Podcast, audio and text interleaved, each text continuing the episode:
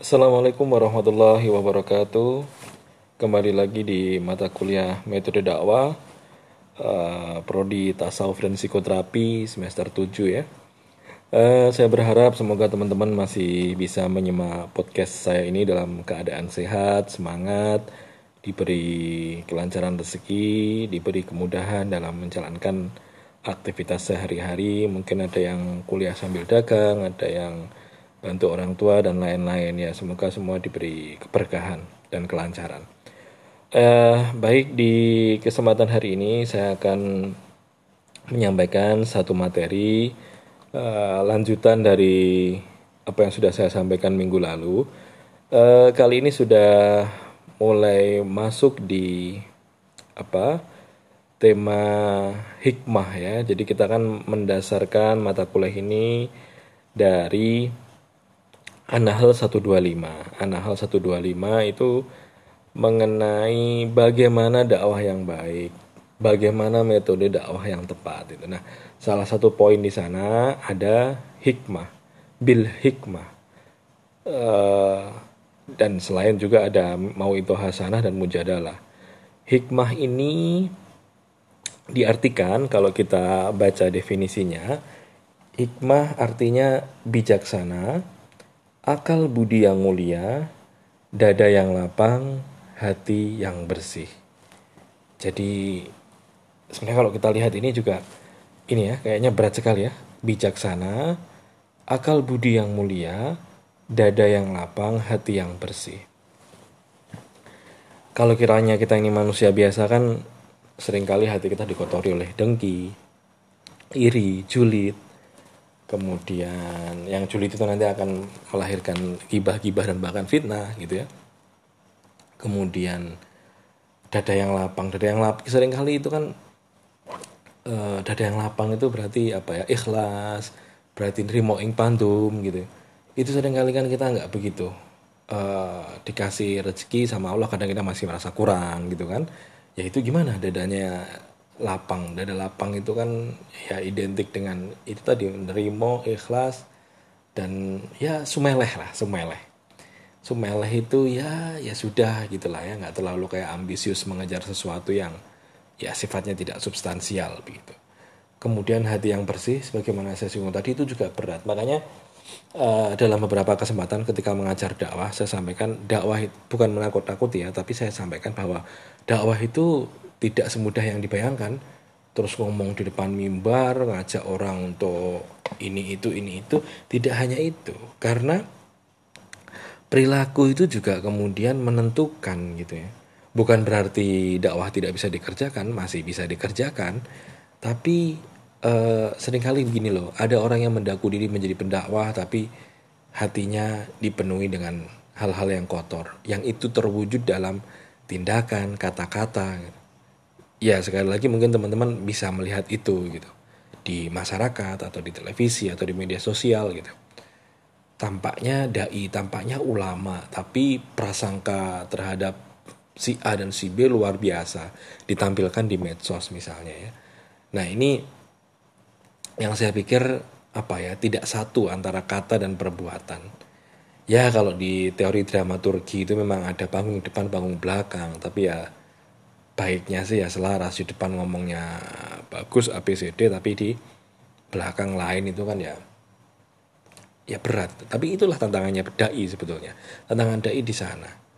Ketika dia menyampaikan mari kita bersedekah ya dia bisa memberikan teladan yang baik begitu ya. Karena ya itu tadi akal budinya harus mulia, akal dan budi. Ya. Jadi pikirannya bersih, perilakunya juga bersih gitu. Ideal lah. Ya bagaimana? Ulama itu kan pewaris para nabi. Dia tugasnya di dunia ini kan juga bukan apa ya cuma sekedar ngomong diberi honor gitu toh gitu. Oke. Kemudian apa sih yang harus dilakukan ketika kita bicara hikmah? Hikmah itu kan apa namanya bijak berdakwalah dengan bijaksana itu caranya bagaimana? Nah ini. Seringkali kan kita begitu. Caranya itu sebenarnya bagaimana dimulai dari mengenal mat'u Mat'u itu orang yang kita dakwai, orang yang berdakwah dai, orang yang kita dakwai itu mat'u. harus mengenal mat'u. Karena kita pernah barangkali ya mendengar apa namanya pernyataan atau apa uh, apa yang disampaikan oleh Ali bin Abi Thalib ya. Sayyidina Ali bin Abi Thalib pernah mengatakan, berbicaralah dengan orang itu sesuai dengan tingkat pengetahuan mereka. Jadi begini, mempelajari siapa mat'u kita itu penting. Siapa mat'u kita, siapa yang menjadi target dan sasaran kita, itu penting. Teman-teman mau KKN, teman-teman melakukan pemetaan. Oh, di masyarakat ini mayoritas NU misalnya. Oh, di sini masih mengamalkan uh, apa namanya? amaliah-amaliah NU dengan sangat ketat misalnya Nah itu teman-teman harus bisa mengenali mat'u dan menyesuaikan diri dan menyesuaikan diri. Jadi ini sebenarnya tidak hanya ketika berdakwah ya, ketika apa pun lah sebenarnya keberhasilan komunikasi itu di sini dan uh, tasawuf psikoterapi barangkali juga akan banyak berinteraksi dengan manusia ya uh, ketika memberikan terapi itu. Nah ketika akan memberikan terapi kita harus tahu siapa mat'unya, siapa yang menjadi lawan bicara kita. Misalnya, ini sederhana, contoh sederhana. Kita sedang ngobrol dengan Pak Dekan misalnya. Kan kita nggak bisa loh terus ngomongnya uh, seperti ketika kita ngomong dengan teman kita sendiri. Artinya terus, yo miso-miso misalnya itu kan. Ya, ya nggak bisa gitu. Artinya kita harus paham, kita sedang berbicara dengan siapa gitu. Dakwah di desa, dakwah di kota tentu berbeda. Orang desa dengan karakteristiknya, orang kota dengan karakteristiknya. Dakwah dengan orang tua atau anak muda beda lagi. Nggak semuanya loh yang dai-dai sukses dakwah di orang tua itu juga bisa dakwah di anak muda, belum tentu. Demikian juga begitu, yang sukses dakwah ke anak muda, yang misalnya di komunitas-komunitas hijrah itu, belum tentu juga sukses dakwah ke orang tua. Nanti beda lagi, dakwah ke ibu-ibu belum uh, beda juga dengan dakwah ke bapak-bapak temanya bisa sangat spesifik sangat sendiri-sendiri apa namanya masing-masing gitu. Orang tua itu mungkin ya kalau sudah yang pengajar bapak-bapak udah sepuh itu mungkin temanya taubat temanya tentang uh, menggapai surga gitu ya. Jadi jadi harus sesuai jadi harus sesuai dengan siapa kita berbicara dengan siapa kita uh, menyampaikan gagasan gitu berkomunikasi. Ke anak muda tentu ya harus ada gimmick-gimmicknya jadi saya uh, meriset dengan mahasiswa saya tentang satu komunitas hijrah kita meriset komunitas hijrah di Surakarta. Saya melihat di sana uh, komunitas hijrah itu kan sebenarnya orang-orang anak-anak muda yang tobat ya, yang dulunya mungkin uh, pecandu, mungkin ya pokoknya punya punya masa lalu yang kelam lah gitu. Terus pengen tobat, pengen belajar ngaji. Nah, itu ada satu komunitas yang kami teliti namanya jaga sesama. Nah, di sana itu caranya begitu. Pakai bajunya ya juga tidak terlalu formal baju itu cara berkomunikasi loh ya. Kita ber, berpakai pakai baju apa itu juga juga merupakan bagian dari komunikasi loh. Jangan salah gitu. Kita berkomunikasi dengan baju kita. Ada dosen yang kemudian sangat suka tampil casual pakai casual pakai sneakers pakai kemeja kotak-kotak celananya juga bukan celana bahan gitu. Itu juga mengkomunikasikan dirinya siapa. Ada juga yang uh, tampil dengan batik dan celana bahan gitu ya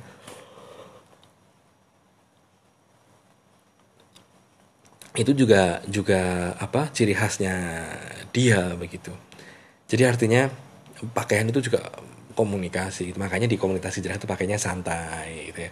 Ada ada sensasi gaul tapi syari. Tetap gaul tetap pakai kaos pakai kemeja pakai apa sih uh, kemeja kotak-kotak gitu ya atau jaket gitu ya. Santai gitu. Tapi di situ dia juga belajar agama belajar ngaji gitu.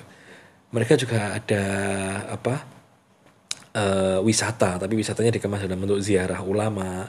Kemudian ada touring bareng naik motor ada futsal ada memanah gitu. Jadi hal-hal yang disukai anak muda itu dibikin di situ. Ada ada ininya apa namanya uh, ada acaranya gitu. Jadi biar mereka tetap tetap mau ngaji tetap mau bergabung di komunitas hijrah jadi ketika dia tobat itu bisa bisa total gitu dan nggak kembali ke dunianya yang dulu gitu. Nah itu adalah gimmick atau cara berkomunikasi dan ya tentu si siapa namanya uh, penggagas komunitas itu atau foundernya itu tentu memikirkan dulu siapa nih jamaah kita nih siapa nih uh, apa namanya audiens kita nih.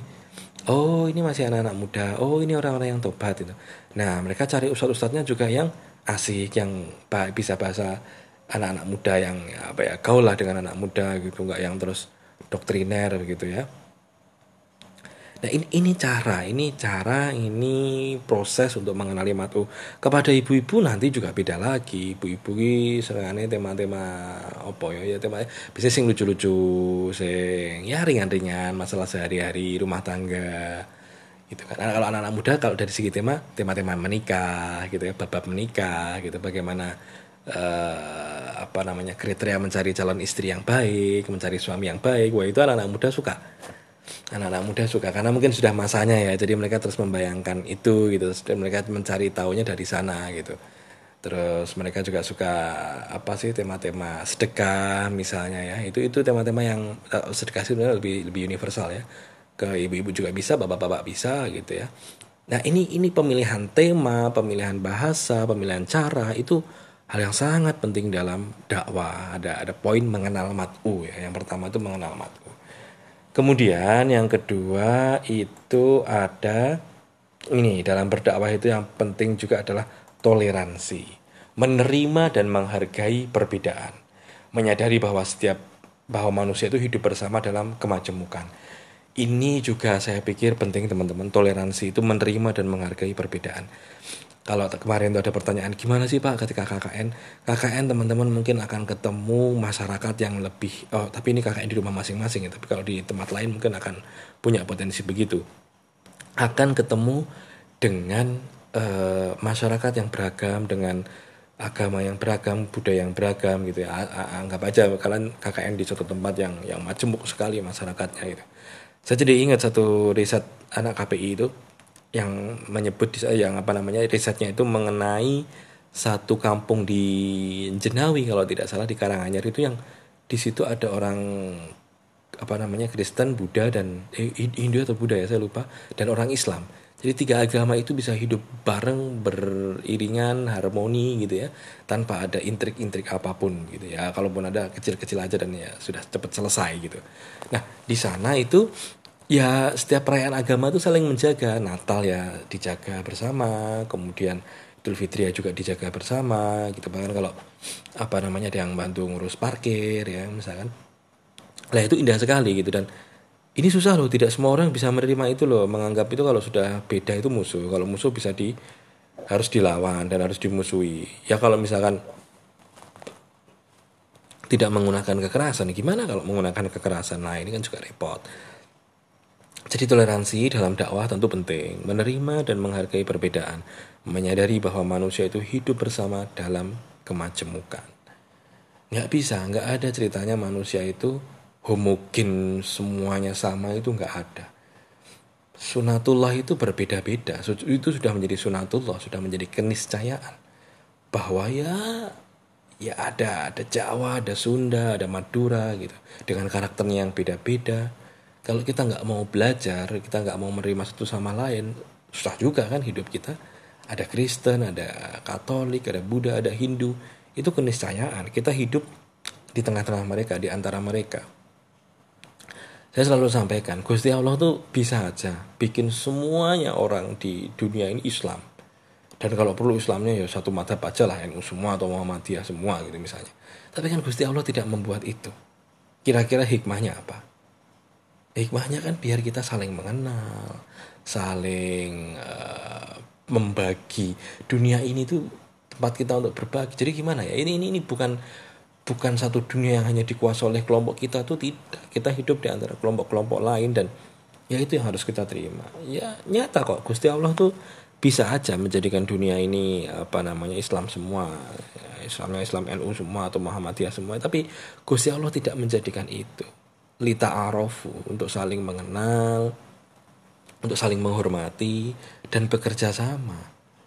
Makanya fastabikul khairat kan apa namanya di di ayat yang itu yang menjelaskan kenapa Allah menjadikan beda-beda itu tapi kan di situ dijelaskan berlomba-lombalah dalam kebaikan.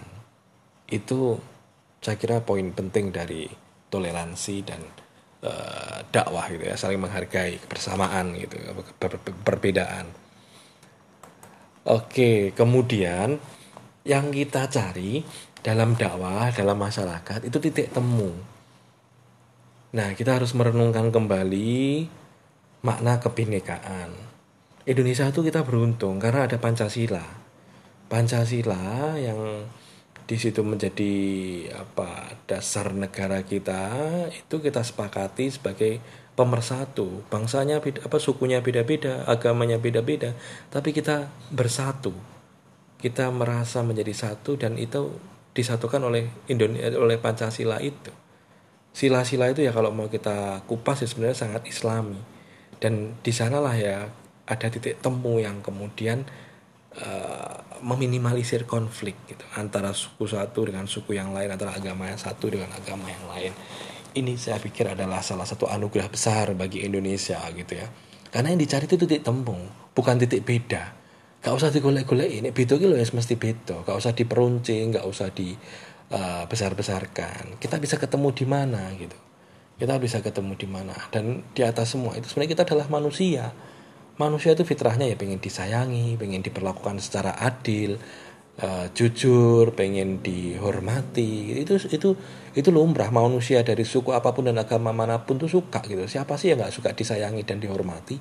Siapa sih yang nggak di siapa sih yang uh, tidak suka diperlakukan secara adil uh, dan apa namanya diperlakukan dengan ramah dengan jujur, dengan tutur kata yang halus gitu. Semuanya suka diperlakukan begitu gitu. Jadi uh, lepas dari apa namanya ya sisi agama atau sisi suku ada uh, apa ada ada prinsip kemanusiaan yang di mana di situ hampir semua bukan hampir tapi semua manusia di dunia ini sama berlaku universal gitu ya. Ya manusia tidak ada yang mau disakiti dengan dibentak-bentak marah-marah dibohongi gitu ya didiskriminasi itu tidak ada yang suka. Jadi uh, apa kalau kita masih belum bisa memilah dan uh, mendudukkan sebagaimana mestinya lihatlah dia sebagai manusia gitu dan perlakukanlah ya manusia itu dengan dengan baik gitu kalau kamu sering senang diperlakukan secara ramah ya perlakukan orang juga begitu kamu senang diperlakukan adil kamu juga harus melakukan orang begitu sederhana saja Oke, itu ya dakwah harus toleran, harus bisa mendapatkan titik temu dan kemudian nah ini sadar waktu, posisi dan tempat. Perhatikan ada bicara, tahu kapan harus bicara, kapan harus diam. Ini penting. Sadar waktu, posisi dan tempat. Jadi uh, kita harus tahu kapan oh ini serius apa bercanda. Terus kemudian posisinya kita sebagai teman atau sebagai uh, apa gitu atasan bawahan atau atau gimana. Dan kemudian ini tempat yang tepat atau tidak gitu. Jadi ketika di desa pun ya oke okay, kalau di masjid kita ya ya mengajarkan agama gitu ya, ya serius. Tapi ya mungkin sambil bercanda juga oke okay, gitu ya dengan anak muda dengan adik-adik TPA gitu. Tapi ketika sudah di luar forum itu ya kita bercanda seperti biasa mungkin sebagai layaknya seorang teman atau layaknya seorang kakak gitu ya. Jadi uh, bisa bisa memilah gitu. Apa namanya? Memilah dan memilih waktu posisi dan tempat yang tepat. Kemudian cerdas memilih kata. Lah ini ini ini saya kira juga penting cerdas memilih kata. Setelah mengidentifikasi mat'u, yang selanjutnya adalah memilih kata-kata yang tepat untuk disampaikan. Tidak provokatif, tidak menghasut, tidak mengadu domba.